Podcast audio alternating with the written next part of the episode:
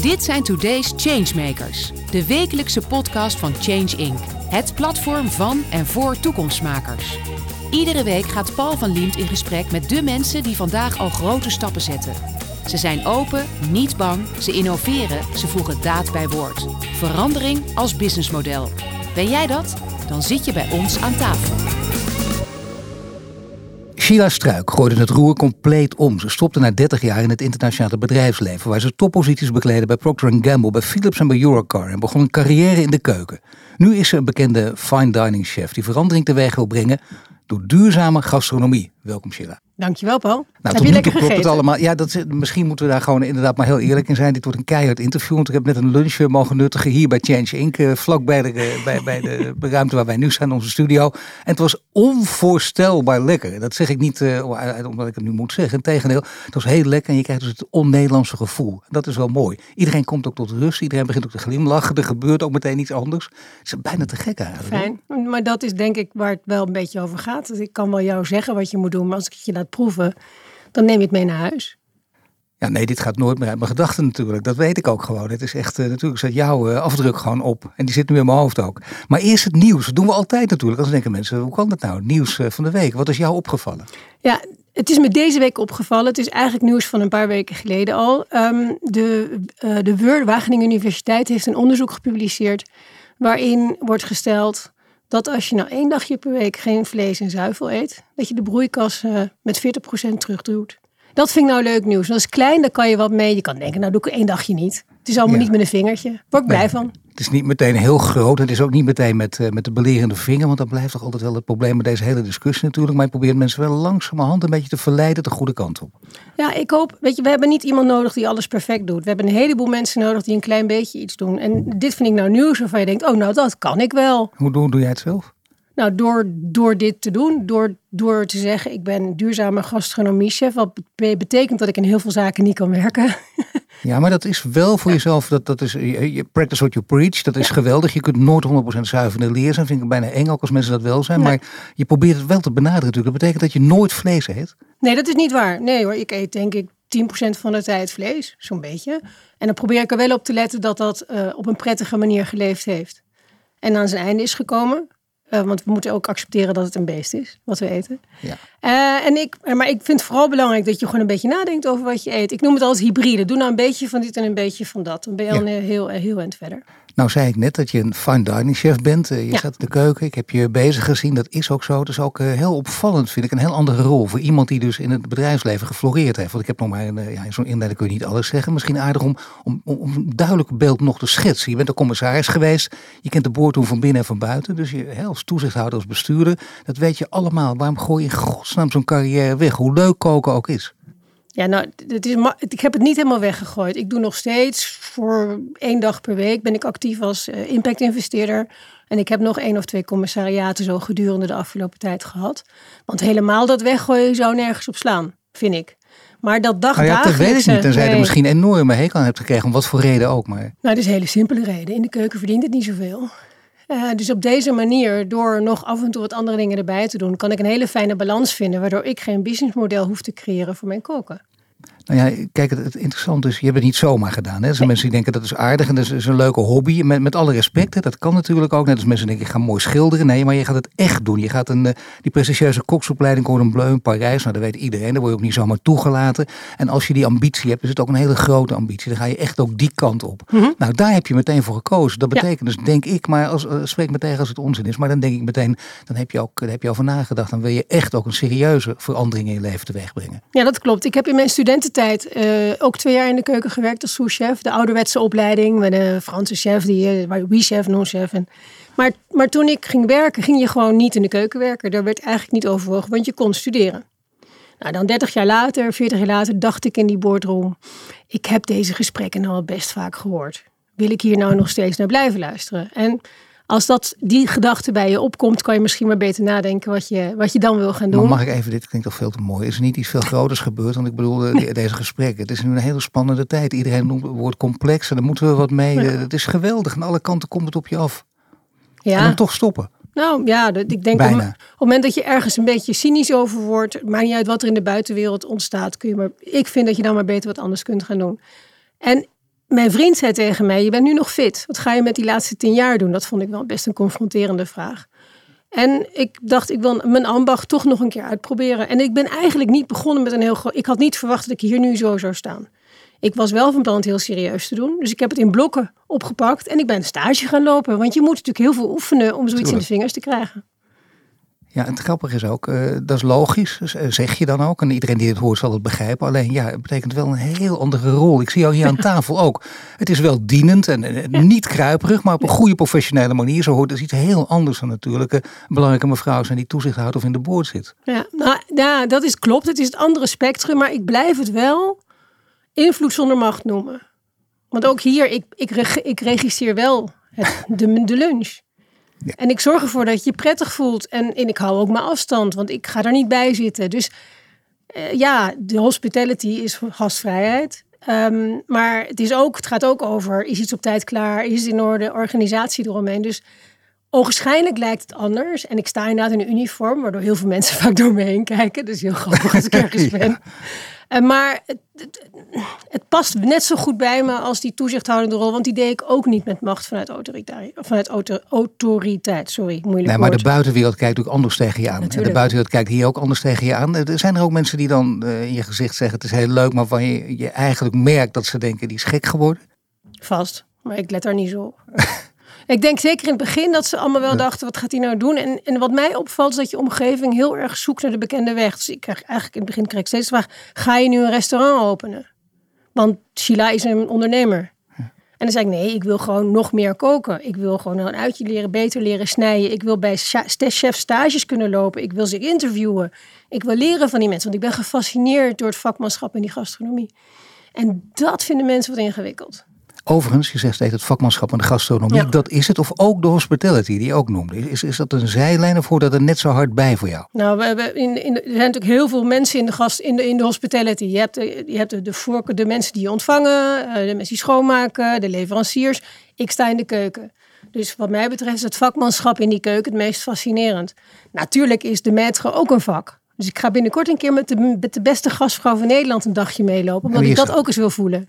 Carolien Berends van de Nederlanden. Kijk eens even. Ja, ja. Zie je, ja zeker. Nee, dat is ontzettend belangrijk. Daar lopen wij in Nederland enorm op achter. Ik, ja. moet als, ja, ik heb ooit gedacht daar een boek over te schrijven. Veel uitgeverijen wilden dat niet. Ook interessant. Hè? Die dachten dat is een te klein onderwerp. Ook typisch Nederlands gedacht. Echt een vak natuurlijk in Parijs ook. Ja, absoluut. Nee, maar het is mooi. Het is bij, heb je dat ook? Dat je bijna geniet ook als je daar bent. Hoe, hoe die mensen dat doen. Ja, maar dat, ook, zij zegt bijvoorbeeld. Je moet je onzichtbaar maak je het mensen naar hun zin. En dat is een, dus ik ga dus over een maand met haar mee, 24 uur. Ik mag de lunch en de, het ontbijt en het diner doen. Ik ben heel benieuwd. Ja, het is wel mooi. Dan weer over. Het, nou ja, goed, je glundert er wel. Dit, dit, je hebt natuurlijk hier echt gewoon je, je, je passie. Dat, dat klinkt allemaal zo, maar dat is wel waar, denk ik ook. Dit is wat je wil. Dit is wat je graag wil. Dit, dit heb je ja. na willen streven. Je, hebt het lef getoond. Maar dan nog natuurlijk. Je zegt, ja, het verdient niet gek veel, behalve als je keihard werkt. Dat wil zeggen 80, 90 uur per week. En dan nog. Um, ja, maar dat doe ik niet.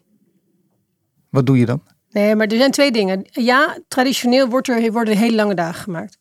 En daar zie je nu wel een verandering in komen trouwens. Ik zag toevallig net een advertentie van een restaurant De Kast. Daar ben ik toevallig nogal dol op, want elke keer als ik daar ben, ben ik weer verrast. En die adverteren voor kom je bij ons werken 3,5 dag per week. Dan denk ik, hé, hey, kijk, dan kan je wel een lange dag maken van 13 uur, maar je kan dan ook uitrusten. En ik denk dat we daar een beetje heen gaan met z'n allen. Een lange dag is niet erg, maar zes lange dagen is niet te doen. En dus nou het, moet, het moet een beetje normaal worden. Ja, dat, je ziet op veel gebieden het omgekeerde. Hè. Mensen worden juist door de overheid nu ook in campagnes aangemoedigd om harder en langer te gaan werken. Maar, uh, en zeker vrouwen. Maar in de gastronomie is dat heel anders in de keuken inderdaad. Want als je die mensen goed leert kennen, je krijgt de echte verhalen te horen, dan is het echt alleen maar uh, kommer en kwel vaak. Omdat je te veel moet werken. Dat je allerlei lichamelijke ongemak ook krijgt. Die slaan ja. er waarschijnlijk ook naar het mentale over. We kennen dat verhaal van de, van de jonge uh, Zwitser, midden 40, zelfmoord. Dat echt direct met het werk te maken. Voor oh. mij heel begrijpelijk. Als, als ik uh, met, met alle chefs praat, snap ik het ook. Ja, ik ook. Ik ben wat dat betreft natuurlijk een vreemde eet, want ik ben nu pas begonnen. Heel veel van de topchefs die ik ontmoet, die werken al vanaf hun vijftiende. Ja. Vanaf hun vijftiende en niet werken zoals ik achter mijn computertje. Maar gewoon beulen, beulen, beulen, beulen, beulen. Ik begrijp best dat je dan op je vijftigste denkt, nou moet dat nog met mijn rug? Maar, maar hoe dan? Maar ik denk dat de, de, de, Ik heb het er veel over, ook als ik voor Food Inspiration erover schrijf. De, de hospitality moet zich veranderen. Gaan ze ook doen, noodgedwongen. Uh, en de jongere generatie wil op een andere manier werken. Maar er zijn nog steeds mensen die dit een fantastisch vak vinden. Nee, natuurlijk. Die willen, die willen beuken, die willen 12 uur werken. Tuurlijk. Maar niet zeven dagen. Tuurlijk, zeker. Nou is het uh, niet voor niets deze Changemakers waarin wij praten. Nou, Dit zijn nou wel heel veel changes die jij aangeeft. Hè? Ook binnen dat vak zelf. Maar jij hebt dus zelf die, die switch gemaakt. Dat is een enorme change. En uh, nou ja, je wil het heel graag. En, en mensen horen wel vaak als je een droom hebt. Dan wordt er altijd gezegd. Ouders zeggen het ook vaak over hun kinderen. Wat moeten ze doen? Wat ze leuk vinden. Ze moeten hun droom najagen. Wat ze prettig vinden. Nou, dat zet, legt er best een druk op. Want dan moet je weten wat een, wat een droom is. Jij wist dat al toen je jong was. Dan zou ik bijna denken met terugwerkende kracht. Maar dan begin je er toch hoe dan ook aan. Dan denk je toch niet aan geld of carrière. Ja, maar de, ik bedoel, wij zijn, ik, ben, ik, ben, ik ben ongeveer dezelfde leeftijd als jij. De wereld oh zat iets anders in elkaar destijds. We kwamen uit de grote crisis. Je moet, na mijn studie moest ik een jaar een baan zoeken. Toen kon ik bij Procter aan de slag. Dus het was allemaal niet zo voor de hand liggend als het nu allemaal lijkt. Ik vind ook. Ik heb wel echt gedaan, daar heb je gelijk. En ik, ik ging echt, ik wilde journalistiek, vooral interviewen, dat heb ik gewoon gedaan. En daar verdiende in het begin helemaal niets mee. Maar dat was het gewoon. Hoe dan ook blijven doorzetten. En ik vind het gemakkelijk om te zeggen, je moet doen wat je leuk vindt. Ik denk dat je uh, vooral moet zoeken wat je maatloos interesseert. En dat mag best moeilijk zijn. En het mag best ingewikkeld zijn. En het hoeft niet, mijn werk is ook niet altijd leuk. Je hebt me zien sjouwen net met, met kratjes. Ik moest, moet vroeg op, ik loop in de regen. Ja. Uh, en een deel niet leuk hoort erbij. Maar ik denk wel dat als je iets kan vinden wat je begeestert en wat je, wat je vastpakt, dat het makkelijk is om daar, uh, ja, ik zou bijna het woord bevrediging noemen. En, en ook focus, je erop te concentreren.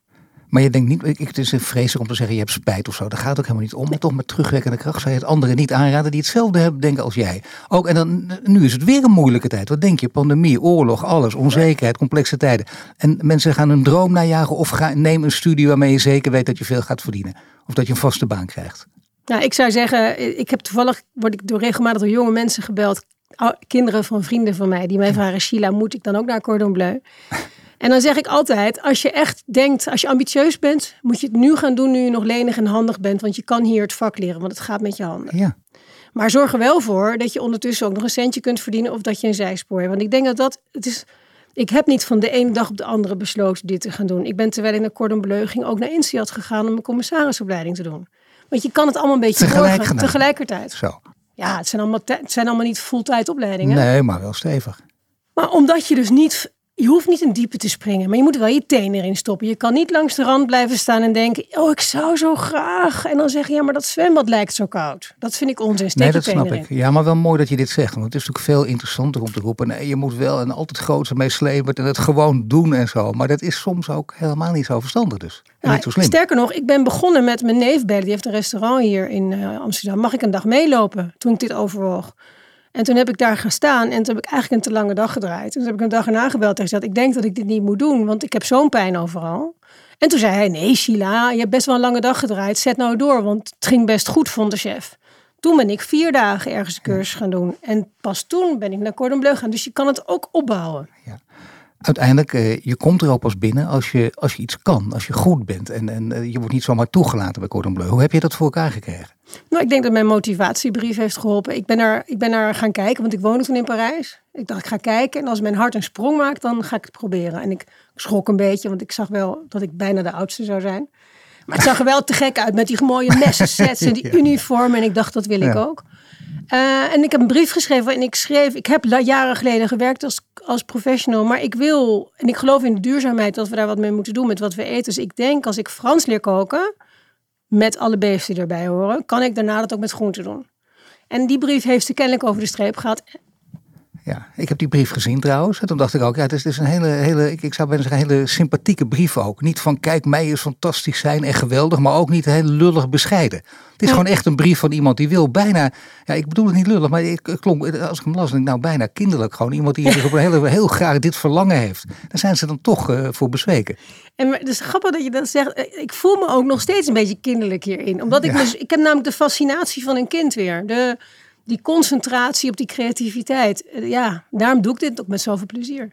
Nou, komt er nog iets bij. Dat is namelijk leiding geven. Leiding geven, een van de allermoeilijkste dingen, denk ik. Als ik eerlijk ben, als ik iedereen uh, bekijkt die door de loop jaar heb geïnterviewd, denk ik dat dat het allermoeilijkste is als je het echt goed kan.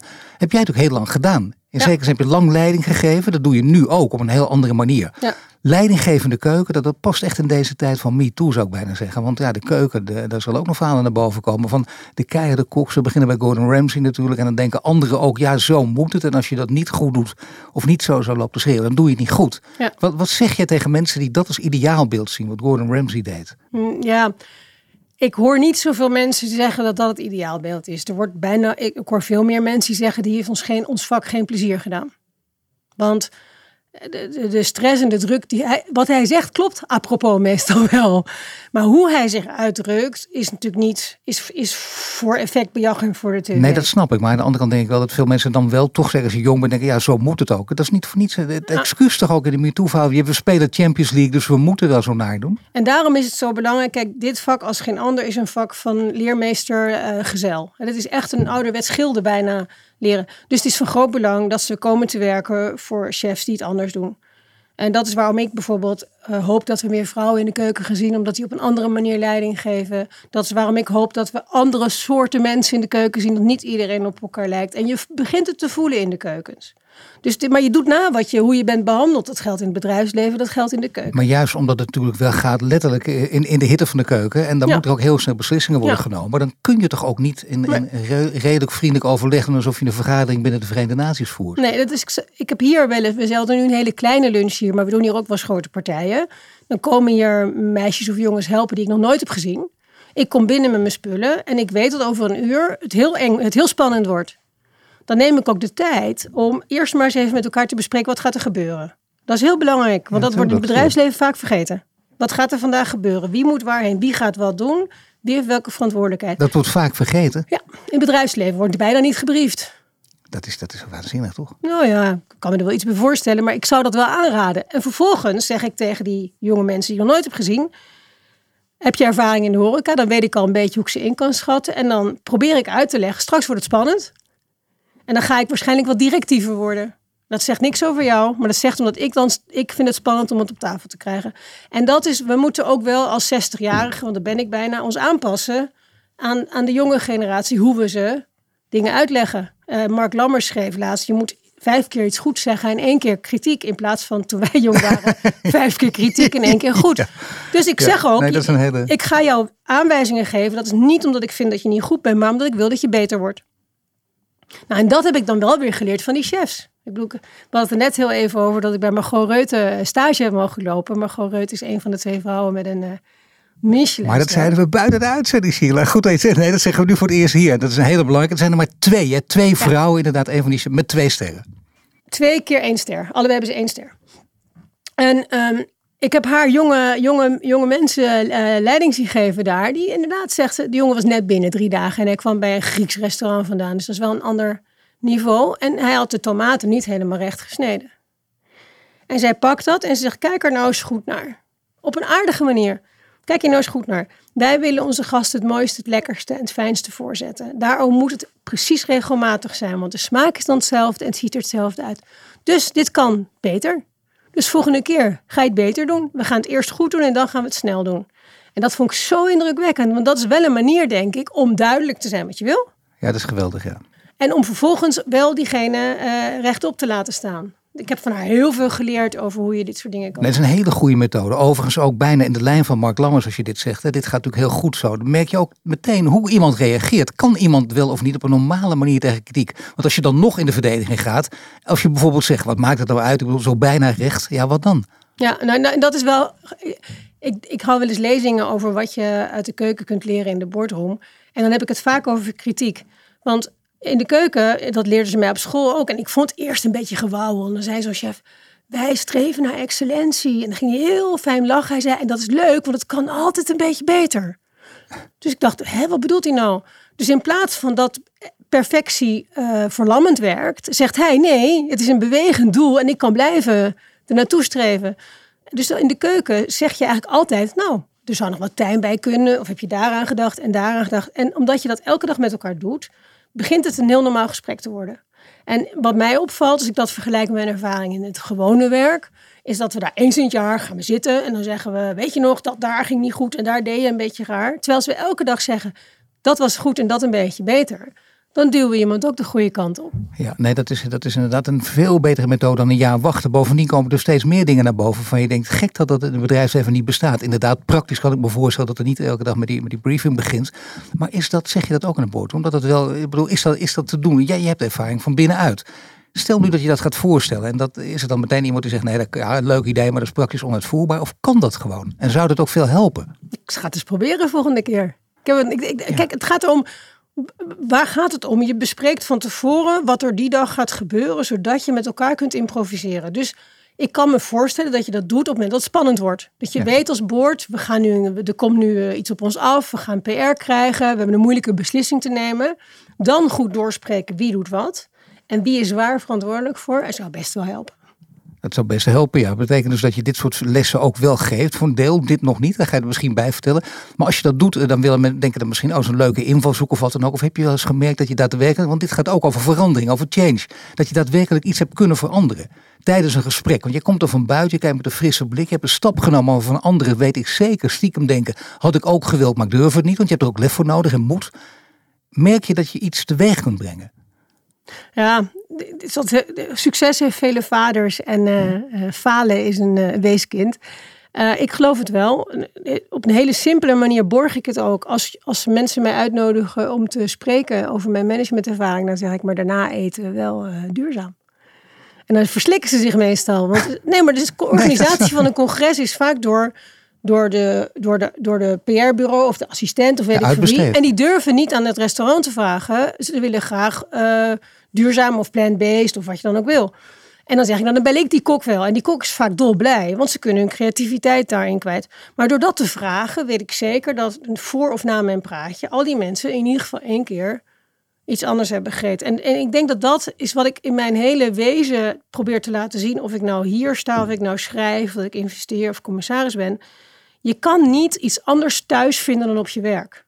Je kunt niet zeggen, we moeten iets doen aan het milieu in je, in je zakelijke plan en dan thuis niet iets in je koelkast veranderen. Vind ik ondenkbaar. Ja, dat is heel lastig, omdat je natuurlijk toch verschillende rollen hebt. Mensen kunnen zich erachter verschuilen. Ik heb mensen die zich echt goed verdiepen in de, psychologie en die, die gaan komen vaak met dit soort theorieën. Waar eigenlijk heel moeilijk iets tussen te krijgen is. Ik ben het gevoelsmatig met je eens, ja. maar het kan bijna niet altijd. Hè? Je hebt ook mensen die zeggen, uh, dat zie je toch ook heel vaak. Uh, uh, vliegen bijvoorbeeld is ook zo'n zo'n geweldig onderwerp. Ja. dat moet dan natuurlijk wel voor mijn werk. En, en thuis vlieg ik dan nooit. Of omgekeerd, dat kan natuurlijk ook. Ja, nou, ik, ga, ik heb een huis in Spanje en ik heb daarvoor besloten dat ik nu, ik vlieg minder. Dus ik doe de helft van wat ik deed. En van die bewegingen doe ik de helft met de trein. Ik doe wat. Ja, nee, goed, kleine stappen. Nee, maar dat is ja. dus sowieso heel wat. Nou gaan we ook praten over duurzame gastronomie. Ja. Daar gaf ik al een voorzetje. Duurzame gastronomie, dat is... Uh, kijk, op een gegeven moment merk ik wel dat natuurlijk alle chefs opeens uh, groenten. Dat doen ze overal. Dan gaan de sterrenrestaurants altijd vlees en opeens overal groenten. Nou, ze doen elkaar ook allemaal na. Hè? Dat is het ook een beetje. Prima. En opeens is dat uh, duurzaam omdat het moet zit er vaak een beetje achter. Maakt dat wat uit, vind jij? Of, of, of een restaurant het echt uitdraagt, of het bij, bij zo'n chef in de tenen zit? Of zeg je, dat maakt echt mij geen zak uit als ze maar met groenten koken? Nee, want het is toch zo dat daar, daar op dat moment is toch de inkoop veranderd van het restaurant en zet hij toch meer. Want kijk, we weten allemaal dat we minder dierlijke producten moeten eten als we die planeet nog een beetje willen gebruiken. Daar hoeven we niet over te discussiëren, volgens mij. Hoe ze het ook doen, I don't care. Ik zeg ook heel vaak, waarom doe je niet hybride? Uh, de gehaktbal van onze grootmoeder was vroeger gehakt en brood.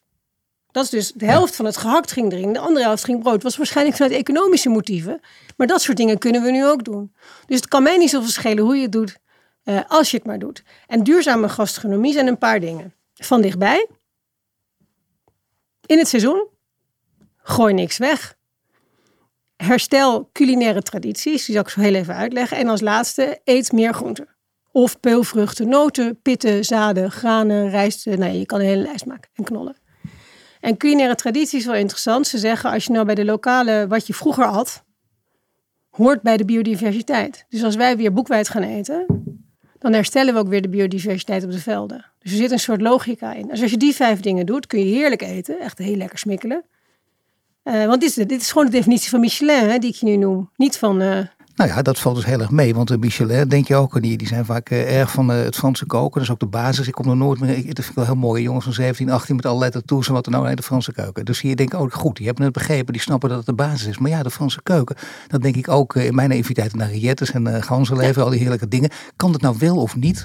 wel als het lokaal is of wanneer wel en niet? Hoe zit dat dan precies? Nou, dat, dat, vind ik wel interessant. Riet is natuurlijk in feite niet het, het mooiste stuk van het, van, van het dier. Dus sowieso gebruik je daar weer wat mee het afval mee. Je gebruikt een klein beetje. Het gaat lang mee, want het wordt goed uh, uh, bewaard. Maar in feite heeft de Michelin nu ook gezegd, we zetten nu ook een groene ster in. Dus er zijn in Nederland heel veel restaurants die naast de gewone sterren de groene ster hebben. Omdat ze uitmuntend zijn in dit duurzame stuk.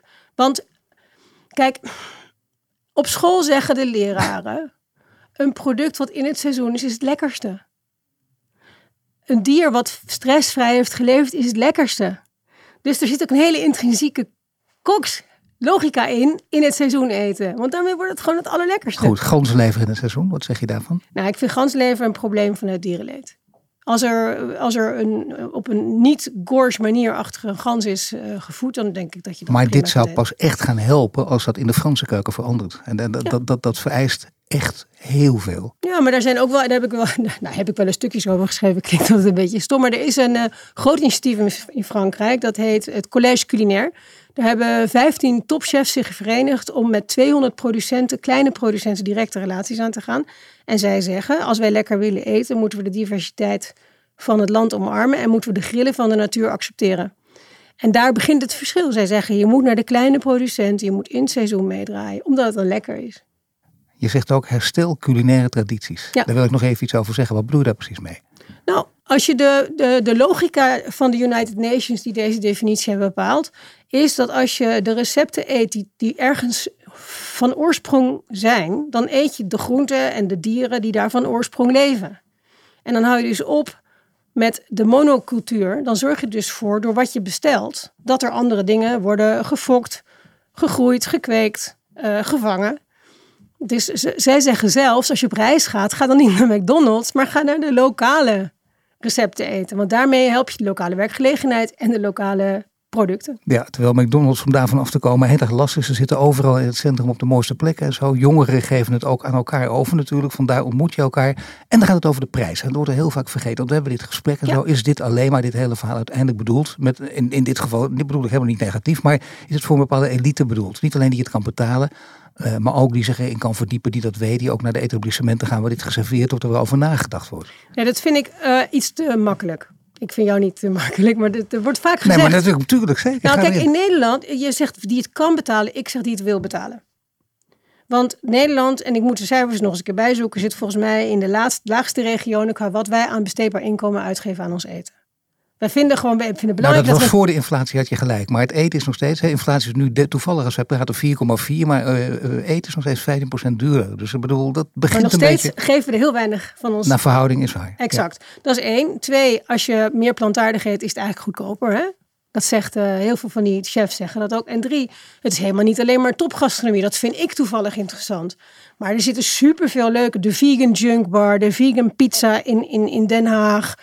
Ga naar een goede Indiër. Je kan overal uh, meer plant-based eten. Dat hoeft je echt de kop niet te kosten. Nee, dus het hele verhaal zelfs over, hè, dat schijnt allemaal heel ingewikkeld te zijn. Nou, je volgt de discussie ook over btw op groente en fruit. En stel dat je het eraf haalt en dat zou enorm schelen. En wat ook, het blijkt uit onderzoek ook, dat het een beetje tegenvalt. Maar je zou je die discussie niet hoeven voeren. Als je nu al goed zoekt, kun je gewoon heel gezond eten voor weinig geld. Nou, en daarom is in het seizoen zo belangrijk. Want als alle bloemkolen van het veld komen, zijn de bloemkolen heel goedkoop. Ja, maar ja, dat betekent dus wel, uh, dat moet uh, geleerd worden. Dat moet en dat is denk ik, en dat vind ik heel belangrijk dat je dat zegt. Education. Want, nou, ik merk gewoon, in, in Miljuska Witschouwer zei het laatst op tv in Boulevard, waarin over vleesvervangers werd gesproken. Ze zei, jongens, als we allemaal een klein beetje leren koken, hebben we die producten niet nodig. Nou, en dat is wat ik ook probeer te doen. Ik maak al mijn recepten, zet ik gewoon op mijn website. Ik vind het heel leuk van alle mensen hier bij Change Inc. dat ze dan ook vragen, hoe maak je dat? En dan leg ik dat, leg ik dat uit. Want we hebben niet meer leren koken. En, en, en... Nee, maar dat is te gek ook. Want maar, maar, mensen die vooral dus inderdaad roepen, maar het kost me te veel, te veel tijd. En dat is gewoon niet waar. Het is, als, je, als je het kan en als je het wil en als je vers eet elke dag, dan wil je echt niets meer. Dan wil je ook geen pizza bestellen bijvoorbeeld. Ja, nou ja, ja maar het is gewoon waar besteed je je tijd aan. Nou ja, nou zeker, maar je kunt je voorstellen dat het, dat het, moet, het moet redelijk snel. Je moet niet, eh, zoals eh, in, in verleden eh, tijden het geval was, ook uren nog eens in de keuken staan met het beste resultaat. Ja. Wat in feite onze, ik denk, eh, oma's met name deden. Ja, maar dat, dat, is, dat kan toch niet meer? Nee, en maar die soep trekken die twee dat- dagen en dat duurt, die zeg wel heel lekker was. Nou, dat zeg ik wel eens tegen mensen die zeggen, dat wil ik ook. Nee, ik Ga dan, maar dan, misschien moet je dan gaan nadenken over vandaag koken voor morgen. Dus dat je wat, je wat je vandaag hebt gemaakt, dat je daar morgen ook nog wat van eet en er morgen iets bij maakt. Dus als je op die manier kookt, in plaats van elke dag iets kant-en-klaar gesneden kopen, kom je al wat Maar we verder. kunnen het niet meer en we leren het niet meer. Dus dan heb je onderwijs nodig. Maar Ja. waar, waar, waar ligt, want dat wordt, roepen mensen heel vaak wel. Dat heb ik al zo vaak van mensen gehoord. Dat snap ik dan ook. En dan gaat het over welk onderwerp ook. Iets wat hen ter harte gaat. En dan roepen ze, daar moet een nieuw vak over komen in het onderwijs. Dat kan niet, want dan heb je straks 80 vakken. Dus hoe kun je dit in het onderwijs integreren? Want het is natuurlijk wezenlijk, van wezenlijk belang. Ik weet niet of ik daar, bij, daar heb ik geen verstand van. Ik denk als ik die, die leuke koks op tv zie, London Loy, Hugo Kennis. Als we daar nou eens naar gaan kijken, dan leren we ook al heel veel. Op TikTok wordt heel veel opgepakt. Ik weet niet hoe het opgelost kan worden. Maar als ouders hun kinderen een pan en een mes geven, misschien dat daar wel bij begint. Want mensen durven geen mes te geven aan een kind. En ze leren iets te proeven met spannende spelletjes. Dan denk ik dat je heel ver komt. Maar kunnen ouders zelf nog koken? Weten ze het nog? Hebben we nu een generatie van, laten we zeggen, millennials die, die, die niet meer zo goed kan koken? Dat, ik, dat, dat, dat, dat, zou ik aanmatigend vinden om daar wat van te zeggen. Ik, ik heb wel de indruk dat de kookkennis in Nederland heel laag is. Ja, nee, dat heb je heel netjes gezegd. Ja, dat klinkt minder aanmatigend, dat is waar. Nou is het wel zo dat, eh, kijk, jij bent iemand die deze switch gemaakt heeft. Ja. Jij weet precies hoe het moet. Je geeft ook het goede voorbeeld. Je wil ook gewoon niet anders meer. Je bent ook nog hartstikke jong, dat helpt ook. Dus jij gaat wel eh, je pensioen halen op een goede manier. Misschien wel langer door met, Ja. met dit werk. Of denk je nu van, nou wacht even, ik weet het niet. Ik, ik hunker af en toe nog naar die, eh, die bestuurskamer. Voor langer dan één dag in de week. Is zo grappig dat je dat vraagt. Ik ben, wat ben ik, 58 geloof ik. Ik ben een boek aan het lezen nu over het gezonde brein. En daarin staat letterlijk dat je eh, brein elke dag weer nieuwe verbindingen aan kan maken. Als je maar nieuwe dingen blijft leren. En als je maar wat spanning en moeilijkheden ervaart. En dat is volgens mij wat ik aan het doen ben. Ja, inderdaad. En elke eh, dag weer. En ik ben er nog lang niet, want dat is het leuke. Ik heb geen. eh, dit doel is niet van. Volgende week ben ik hier weer. En ik ben nu al aan het nadenken. Wat ga ik dan maken? En ik wil twee dingen uitproberen om die helemaal plant-based te maken. Dus voor mij is het ook een soort mini-laboratorium met publiek. Om te leren. Ja, Dus maar dus nooit. wel, dus wel steeds dingen doen die, en, die, die, gewoon, die eigenlijk gevaarlijk zijn. Of je denkt, misschien kan ik het wel niet, die spannend zijn. Ja. Ik las in, in eh, interviews met jou dat je ooit, je noemt een paar keer de naam eh, van Saskia Stuiveling. Ja. Helaas eh, redelijk vroeg nog overleden, dus begin 70. Ja. Heb ik ook een paar keer meegemaakt. Geweldige vrouw. Hè? Ja. En dan denk je, oh, de baas van de Algemene Rekenkamer. Nee, dat was inderdaad iemand die echt, populair gezegd, out of the box kon denken. Ja. Die zei dat altijd. Oh ja? Die zei dat altijd. Die zei dat letterlijk. Ik Precies vind, wat jij Voor mij, toen ik studeerde, had je in Rotterdam Nelly Smit-Kroes en, eh, en, en Saskia Stuiveling. En dat waren de vrouwen waar wij ons aan konden eh, optrekken. En dat vond ik ook wel leuk, want het is heel verschillende types. Ja. Eh, en, en ik heb Saskia later, later nog wel een paar keer mogen ontmoeten, ook, ook informeel. En zij was altijd, er zat een soort dapperheid, bereidheid tot moeilijke dingen. Altijd wel met een soort analytisch vermogen en een logica. Maar ze was ook heel gul in haar, in haar aandacht en in haar aanwezigheid. En ze was natuurlijk best wel een beetje gek voor een kakmeisje als ik. Zij rookte Caballero zonder filter of check, denk ik zelf. Ze was best wel alternatief. Ja. Toch links? Zeker. Nee, zij is een groot. Ik, ik, eh, zij is een van mijn grote voorbeelden. Nou, geweldig. Eigenlijk denk ik, eh, mooie, hier komen we niet meer overheen. Beter om hier te eindigen. Ik dank je geweldig voor dit gesprek. Dankjewel, Paul. Het was Dank leuk. Je. je luistert naar een podcast van Change Inc. Die werd mede mogelijk gemaakt door Albron, Ebbingen, Renewy en Vattenfall. Bedankt voor het luisteren naar de Today's Changemakers podcast. Een productie van Change Inc. gepresenteerd door Paul van Liemt. Ben of ken jij een changemaker? Meld je dan snel aan via onze Change Inc. website. Wil je dat meer mensen geïnspireerd worden? Deel de podcast dan op sociale media. Wil je meer afleveringen luisteren? Volg ons dan nu via je Spotify, Apple Podcast of je favoriete podcast app. En krijg een melding wanneer er een nieuwe aflevering online staat.